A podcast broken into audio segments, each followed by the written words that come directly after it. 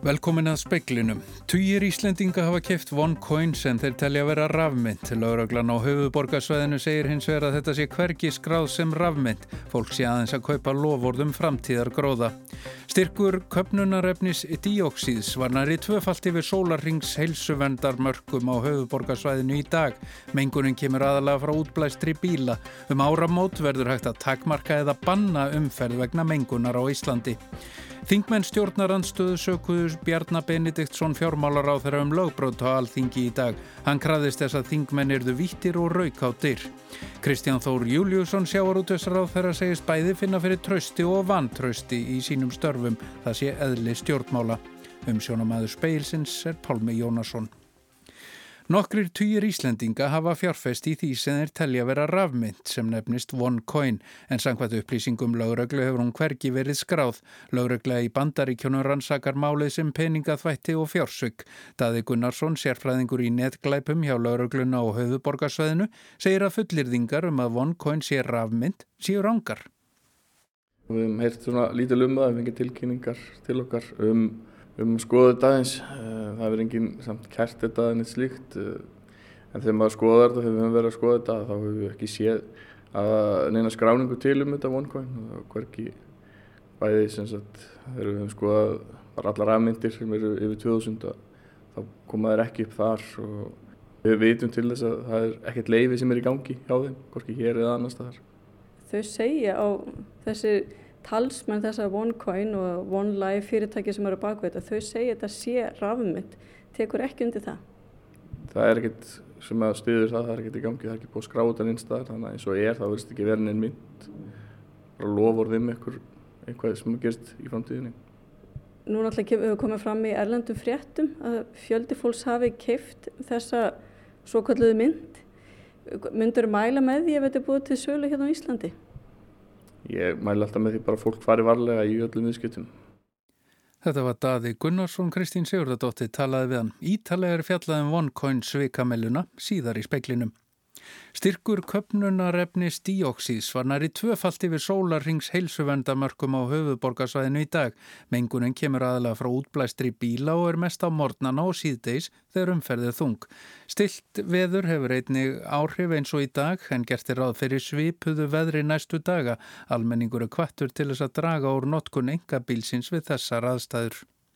Sveitafélag og vegagerðin fá frá og með áramótum heimild til að takmarka eða jafnvel banna tímabundið bílaumferð vegna loftmengunar með þessu er vonast til að hægt verða að draga úr svifriksmengun. Svifriksmengun hefur farið 14 sinnum yfir heilsuvendamörk þar sem aðverð þessu ári og í þrýgang hefur magn köpnunarefnis tíóksís sem kemur frá útblástur í bíla mælstof hátt. Slík tilkynning bast nú síðast í dag enda kjör aðstæði fyrir loftmengun, hægviðri og frost. Sveitarfélagin á höfuborgarsvæðinu hafa lengi kalla eftir heimildum til að setja tímabundnar takmarkanir á bílaumferð til að sportna við svifriksmengun. Svo heimild fegst með samþygt nýra umferðalag á alþingi í sumar og taka þau gildi í byrjun næsta ás. Í lögunum er veitt heimild til að takmarka eða banna umferðum stundasakir þegar mengun er yfir heilsufarsmörkum eða hætta er talin á að svo verði.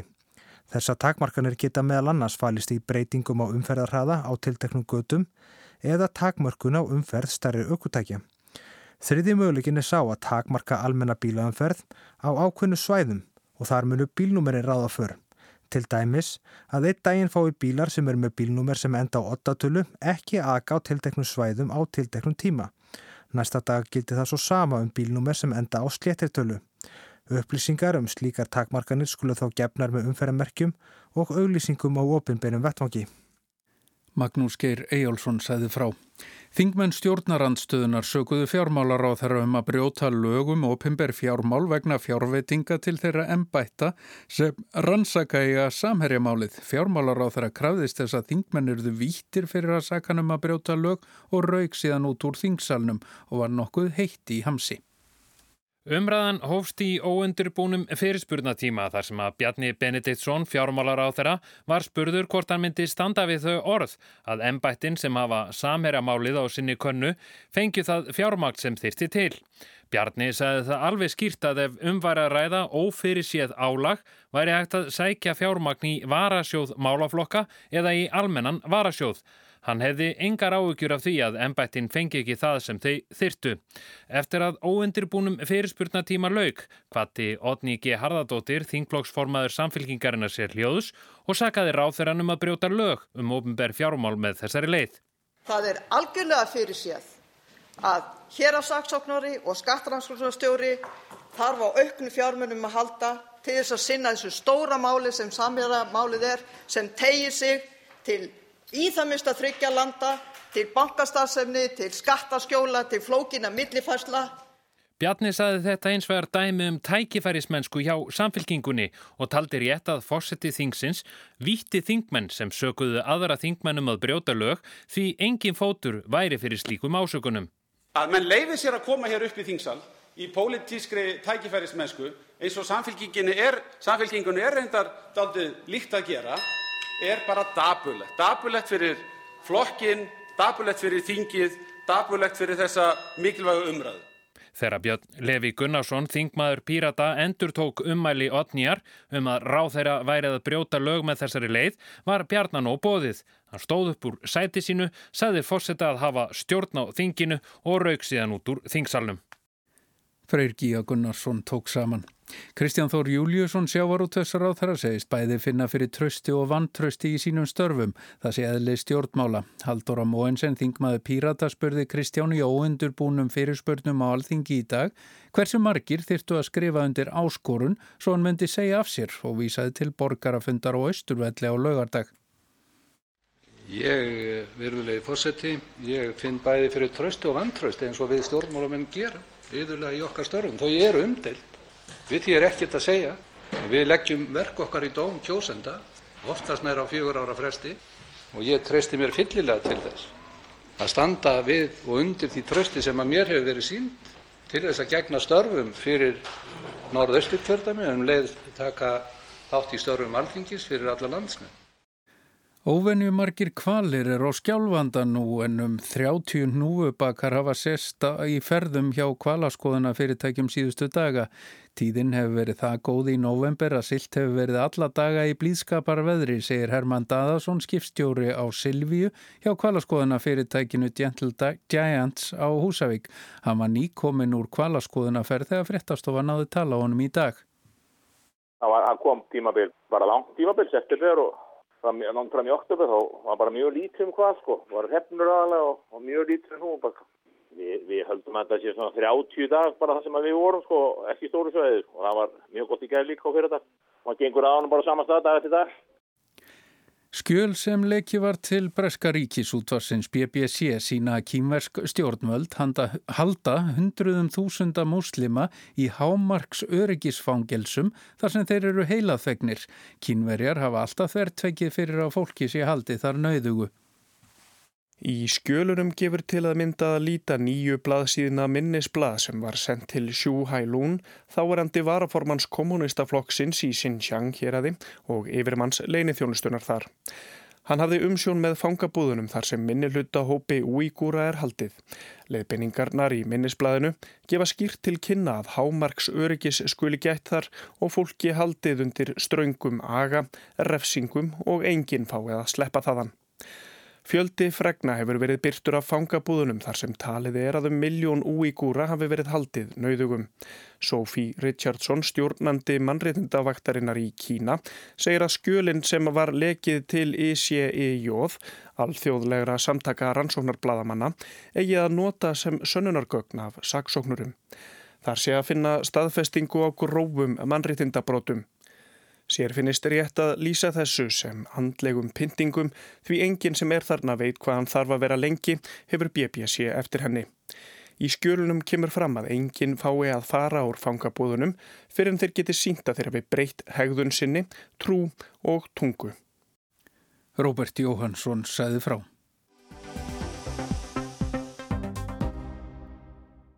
Rafdrottningin Rússia Ignatova stopnaði rafmyntina OneCoin, heina allra stæstu svikamilu sögunar. Ísdrottningin Ástís Rán Gunnarsdóttir var besta vinkona hennar og skipulaði viðburði fyrir OneCoin. Rafdrottningin kvarf fyrir tveimur árum og píramítin hefur hrunið þótt enn sé verið að selja fólki drauminum skjótfengin gróða. Þúsundir miljarda hafa tapast. One, two, three. Applause, please. Rísastórar OneCoin samkomur voru haldnar um allan heim, samkomur sem myndu helst á trúarvakningu eða trúbóð sértrúarsafnaðar. Dr. Rúsja Ignatova kallaði sig Crypto Queen eða rafdrottninguna. Hún lærði í Oxford, var doktor frá Konstans og hafði unni fyrir stórfyrirtæki eins og McKinsey og Company. Hún hafði verið fyrir lesari á ráðstefnu hjá hennu virta Economist. Hún bóðaði framtíðina og auðvelda leið til ofsafengins gróða. OneCoin var í raun bara risastórt Ponzi-svindl sem byggist á hefðbundnu píramítakerfi þar sem upphafsmennir hagnast gríðarlega en þeir sem eru neðar í keðjunni sitja eftir með sárt ennið.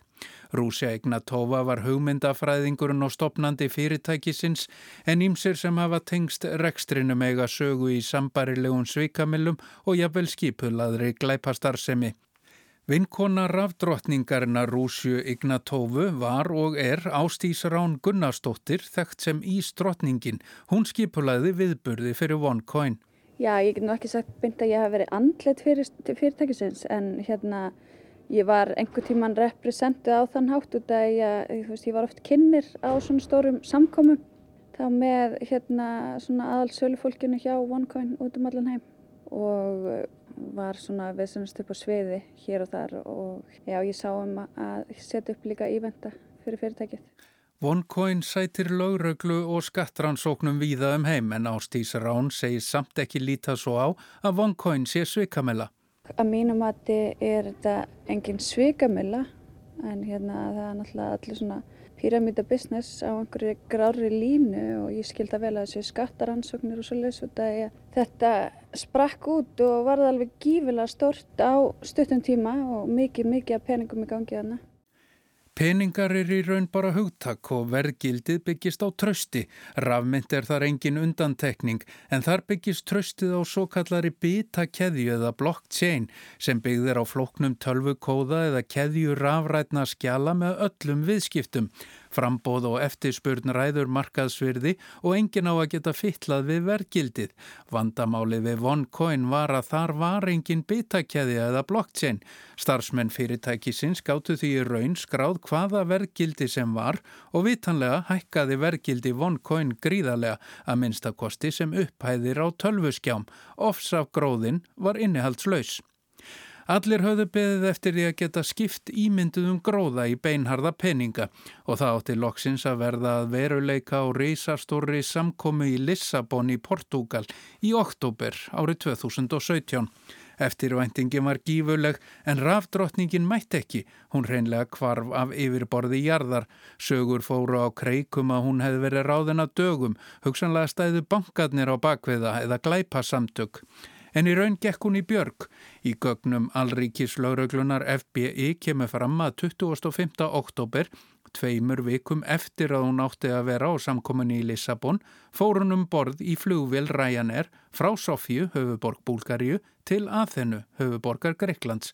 Síðan hefur ofinberlega ekkert til hennar spurst. And uh, we have been actually extremely successful. We built up a billion euro company. Our market capitalization of the coin is actually over four and a half billion. And we have two million of um, happy members all over the world. Six continents, more than 190 countries. Jamie Bartlett fjallar um sveikamelluna á vef Breska ríkis útvarpsins BBC. Hann varði mörgum mánuðum í rannsóknir sínar á OneCoin. Viðmælandur hann segja að svindlið hafi farið úr böndunum.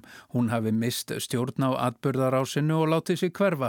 Bróðir hennar, Konstantín Ignatov, tók við rekstrinum og dómsmálaráðaneti bandaríkjana fullir að hann tengist augljóslega skipulaður í glæpastar sem í Östur-Evrópu. Hann var handtekinn á alþjóðaflugvellinum í Los Angeles í bandaríkjónum í mars á leið heim til Búlgarju. Til að bjarga eigin skinni samti hann við yfirvöld og játaði sinn þátt í svikamellunni. Þetta varð opimbert fymta þessa mánadar þegar hann vittnaði gegn lögfræðingnum Mark Scott sem sakaður er um peningaþvætti á 400 miljóna dollara hagnaði OneCoin í bandaríkjónum. Scott var í síðustu viku dæmdur fyrir sinn þátt í svikamellunni en segist bara hafa gert það sem Rússia Ignatova fyrirskipaði. Hún hefur verið ákjær fyrir gríðarlega umfangsmikil fjársvik og peningaþvætti. Bróðurinn segir að rafdrottningin hafi verið orðin hrætt um lífsitt og látið sig hverfa.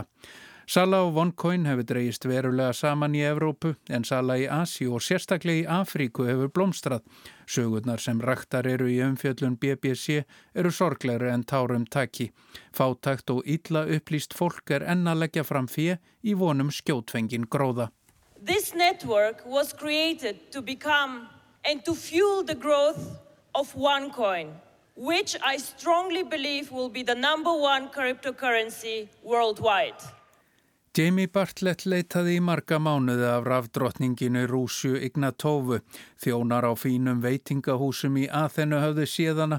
Hún á að hafa sérst víða í Búlgari, Rúslandi, Dubai, Skramanberg, Valtenhofen og jafnvel í London.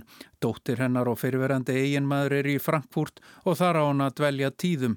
Svo er sagt að hún þvælist um miðjarðarhafið á snekju og hún njóti verndar valda mikill að manna í Östur Evrópu. Bartlett fekk fullt af vísbendingum en enga óiggjandi staðfestingu. Drottningin er tínt og tröllum gefin.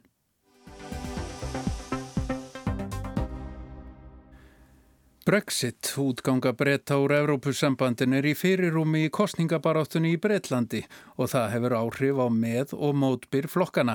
Íhaldsflokkurinn hefur margtækt forskott og er nú mjög gætin í kostningabaráttunni til að forðast neikvæðar uppákomur.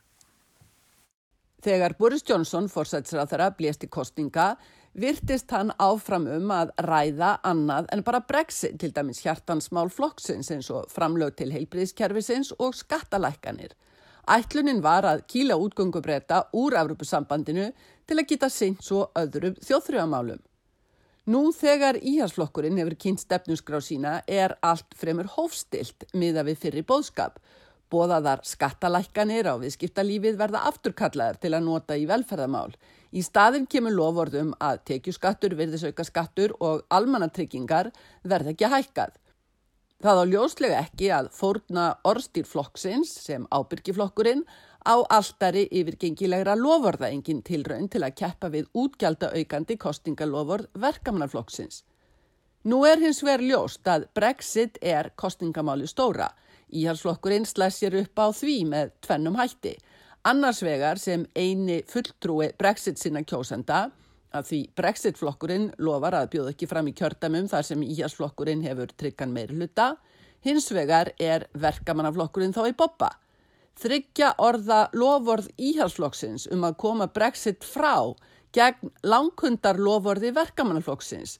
Annar útgöngusamningur við ESB svo önnur þjóðratkvæðagreisla þar sem leiðtóginn Jeremy Corbyn vill ekki gefa upp hvaðan myndi þá kjósa. Viðbröð áhörvenda í sjómasal við leðtónum í tveimur beinum útsendingum, annars vegar leðtórnir tveir, hins vegar þeir tveir, á samt Nikolu Sturgeon, leðtóga Skoska þjóðaflokksins og Jó Svinsson, leðtóga fyrir allsra demokrata, hafa verið mjög til umræðu. Áherendur hlóu einfallega að leðtógum stóruflokkana tvekja. Það gall við skellilátur þegar áhörfandi spurði Johnson hvort það skipti máli að fólk við völd segði sannleikan. How important is it for someone in your position of power to always tell the truth? I think it's, I think it's absolutely vital. And I think that the issue of trust in politics is central to this election. Það viss allir viðstættir hvað spyrjandin átti við þess vegna hláturinn og klappið. Það dýnur stöðut á Johnson að hann segi ekki satt og jú, hann telur það lífsnöðsynlegt að segja satt og í þessum kostningum sé tröst algjörlega miðlægt. En Corbyn fekk líka ágjöf var spurður hvort hann hefðist kjósa með eða móti ESB aðild ef til annarar þjóðaratkvæðargreðslu kæmi. Hann var vart byrjaður á sinni förstu rullu um að semja aftur þegar áhorfendur hlóu. Hann brást ögn argur við væri að reyna að svara. We will negotiate a credible leave deal with the European Union. Let me finish, please. I've got to, I'm trying to answer the gentleman's question. Jó Svinsson hefur aðeins verið leiðtogi frálslindra demokrata í nokkra mánuði, tók við af ógnar vinsælum leiðtoga Vins Keipul sem fannst hann komin á aldur. Kanski Keipul harmiða því Svinsson hefur tekið þá umdeltu ákvarðun að afturkalla úrgöngubretta komist hún til valda. Þar með hefur hún mist stuðning margra kjósenda sem hefði heldur viljað sjá raunsæri stefnu um aðra þjóðarkvæðgreðslu. eins og einn áhörfandi sæði Svinsson. This is the essence of democracy. I am standing here and telling you honestly what I would do if I was elected as Prime Minister. I would revoke Article 50 and if you vote me into that position, I will do what I've said I will do. Svinsson svaraði eins og hún gerir alltaf kjarni líðræði sé þessi að segja kjósandum heiðarlega hvað hún ætla að gera verði hún fórsætsráð þeirra og það sé að afturkalla ESB útgöngu gera það sem hún hafi sagst myndi gera. Vandi Svinsson er líka að því meira sem kjósendur sjá af henni því minna finnst þeim tilum hana. Bæði Svinsson og Nikola Sturgeon leðtói í skoska þjóðarflokksins gætu hugsanlega verið í otta aðstöðu ef engin flokkur hlítur reynan meiri hluta þó skoski flokkurinn bjóð ekki fram á landsvísu. Sturgeon er hörða á hvað hún vilji þá, styti Korbin með skilirðum. Hún gæti ekki með góðri samvisku stutt Boris Johnson til valda. I could not in good conscience ever put Boris Johnson into number 10 Downing Street. Eftir því sem líður á kostningabaratuna og forskot íhalsflokksins staðfestist, rennur sama varkára yfirbræðið bæði yfir stefnuflokksins og framkomu fórsætsráð þeirra. Verkamannflokkurinn lofar og lofar, ekki síst til að yfirgnæfa brexit-talið sem færir flokknum fátt gott. Íhalsflokkurinn hefur rúmlega 40% fylgi verður vísast stærsti flokkurinn en kannski án meiri hluta. Verkamannaflokkurinn er undir eða um 30% fylgi, frálslindir um 15% og brexit-flokkurinn, ógnar helst íhalsflokknum, er með um 6% fylgi. Fylgi allra flokkana leikur á víðu óvissupili Til dæmis margir ungir kjósendur og kjörskrá, skoðanakannanir ná illa til þeirra, hefði þeir til dæmis viljað heyra meira um umhverfismál. Nokkrir óvissu þættir að mörgum. Sigrún Davidsdóttir sæði frá.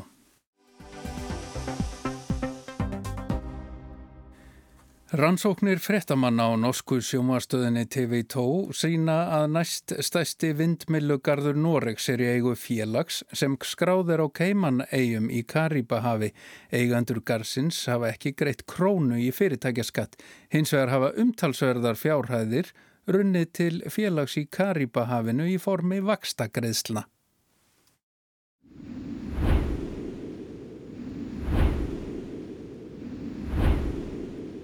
Frettamenni TV2 ákvaða að kanna hvernig egnarhaldi á næst stæðsta vindmilugarði í Norregs er hátað.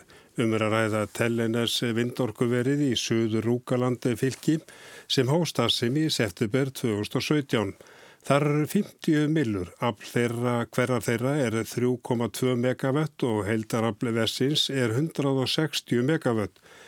Gerð var langtíma samningur við Google um kaup á ramagni, velta myndmilugarsins í fyrranamum 19 miljardum íslenskara króna. Byggingakostnáðurinn var um 2 miljardar norskara króna eða 27 miljardar íslenskara króna. Þegar eru reygin 35 vindorku verið í Nóri og unnið er að uppbyggingu 16 annara. Í umfjallunni TV2 er bent á að í langan tíma hafi komið tekjur frá vassapsvirkjunum og oljuvinslunum sem nýtist til uppbyggingar skóla, sjúkura og svo vega svo eitthvað sem nefn. En það sama virist ekki gildum vindorkuna. Megin nýðusta rannsóknarinnar er að erlendir eigandur teliners greiði lítið sem ekkert í skatt í Nóri en flíti háar uppaður úr landi. Vindmilugarðurinn er í eigu margra fyrirtækja eða mörg fyrirtæki tengjast egnarhaldi hans. Fyrirtæki sem eru með heimilisvestu löndum þar sem lítill eða engin skattur er greittur meðal annars á Keiman eigum. Fyrirtækið BlackRock svara fyrir höndu vindmilugarsins en hann er skráður í eigu félags á Írlandi. Teliners er Newable Finance DAC. Það eru upplýsingar sem norska orkustofnunni hefur. Stofnunni hefur hins vegar ekki meiri upplýsingar og getur ekki svara því hverji séu raunverulegir eigundur vindmilugarsins. Fréttamenni TV2 brugður sér til Diblinar á Írlandi þar sem mörg stór alþjóðafyrirtæki hafa komið sér fyrir eins og til dæmis Microsoft, Facebook og Google. Það helgast meðal annars að því að Írar bjóða þessum fyrirtækjum upp á hagstæð skattakjör. Þeir komast að því að fyrirtæki sem skráðir fyrir vindmilugarðurum er skráð sem fyrirtæki 110 í ísku fyrirtækjaskráni. Það eru fyrirtæki sem geta náð skatt hlutleysi eða sloppið algjörlega við að greiða skatta. Rannsókn þeirra leiti ljós að eignarhaldið tegi sig til keimaneia. Norskur skattar sérfæðingu segir að þetta sé löglegt. Vandamáli sé hins vera Norður hafi ekki komið upp eða þróað skattinheimtum af vindorkuverum. Reyndar komi ljósa að hægt var að reykja eignarhaldi á milli þryggja fyrirtækja á Írlandi áður en endalegt heimilisfang þess fannst á Keiman-eijónum og Gland House í Georgetown. Þar heitir það Global Renewable Power Europe Invest Co. LP. Ögland House hefur oft komist í fréttir vegna skattaskjólsmálan um 18.000 fyrirtækjari með postfanga á þessu heimilisvangi. Barack Obama, fyrirverandi bandarækjafósiti, saði einu sinni að annarkort væri þetta stæsta hús í heimi eða þarna færi fram mesta skattasvindli heimi. Fyrirtæki BlackRock sem svara fyrir Telenes gardinni segir að félagi á Keiman eigum sé sjóður í eigu 67 aðila meðal annars frá bandaríkjanum Asi og Evrópum og fyrst og fremst lífeyri sjóða og tryggingafélaga. Fyrirtæki ber fyrir sig samkómulægjum trúnað og vill ekki upplýsa hvaða eigundur þetta erum. Fyrirtækja skatturinn sem vindorkuverin í Nóriði greiða er 22%, samanborið við 78% hjá ólíu og gasfyrirtækjum. Tekjur Teleners myndvilugarsins í fyrra námu 240 miljónum norskara krónan eða 3,25 miljóðum íslenskara krónan. Rekstrar yfirleitt síndi ekki fram á skattskildar tekjur og TV2 komst að því hvernig fyrirtækið kemur háum fjárhæðum úr landi. Uppalega lagði það inn 203 miljónir norskara króna sem eigi fjö og ágangurinn voru lán í hennum ímsu böngum. Í ljósuðu komið að gardurinn tók lán upp á 417 miljónir norskara króna hjá öðru félagi sem áafullu félagi sem skrifaðir eigandi teliners. Vextinir af því láni eru talsvert herri en að lánunum sem tekinn voru í böngum. Á síðustu tveimur árum hefur félagi greiti 60 miljónir norskara króna eða röskar 800 miljónir íslenskar króna vegna lánsins sem það tók hjá fyrirtækinu sem á það að fullu eða tók lán hjá sjálfur sér. Það félag er svo með lán hjá öðru félagi í egnarhaldskeðjunni og að lokum endarhagnaðurinn sem vaksta greiðslur hjá félaginu á Keiman eigum. Peningarnir eru fluttir millir fyrirtækja og landa sem vaksta greislur. Reyndar er það svo að tvö sveitarfélug sem vindmjölugarðurinn er til, Sóngdal og Lund, fengu greitan fastegnaskatt 8,5 miljónir norskra króna í fyrra. BlackRock segir allt sé upp á borðunum, allur vaksta frádráttur og afskriftir sé í samræmi við norskar skattareglur, félag á keimanegjum sé fyrst og fremst að notað til að einfalda reksturinn og auðvelda félagum að fjárfesta í fyrirtækinum. Sveitarstjórnamenn í Nóri sem við lesi hafa rannsóknuna eru ekki sáttir. Þeir segja að einu peningarnir sem komi frá vindorkunni séu fáina miljónir í formi fastegna skatts. Arnar Páll Haugsson segði frá. Veðurhorfur norðaustan 3-8 metrar en 8-13 við suð-austurströndina. Víða létt skíð en skíð og súld eða snjómuga með köplum austanlands. Frost 1-6 stig en hiti um og yfir frostmarki sunnan og vestan til á landinu. Hægari vindur síðdegis á morgun og léttir til á austanverðu landinu. Frost 0-9 stig kaldast í innsveitum norðaustanlands. En það var helst í speklinum að tugir Íslendinga hafa kæft OneCoin sem þeir telja vera rafmynd. Lauraglan á höfuborgarsvæðinu segir hins vegar að þetta sé hverki skráð sem rafmynd. Fólk sé aðeins að kaupa loford um framtíðar gróða. Styrkur köpnunarefnis díóksíðs var næri tvöfalt yfir sólarings heilsuvendarmörkum á höfuborgarsvæðinu í dag. Mengunin kemur aðalega frá útblæstri bíla. Um áramót verður hægt að takmarka eða banna umferð vegna mengunar á Íslandi. Þingmenn stjórnar andstöðu sökuðu Bjarnar Benediktsson fjármálar á þeirra um lögbróta á alþingi í dag. Hann krafðist þess að þingmenn erðu vítir og rauk á dyr. Kristján Þór Júliusson, sjáarútösráð þeirra, segist bæði finna fyrir trösti og vantrösti í sínum störfum. Það sé eðli stjórnmála.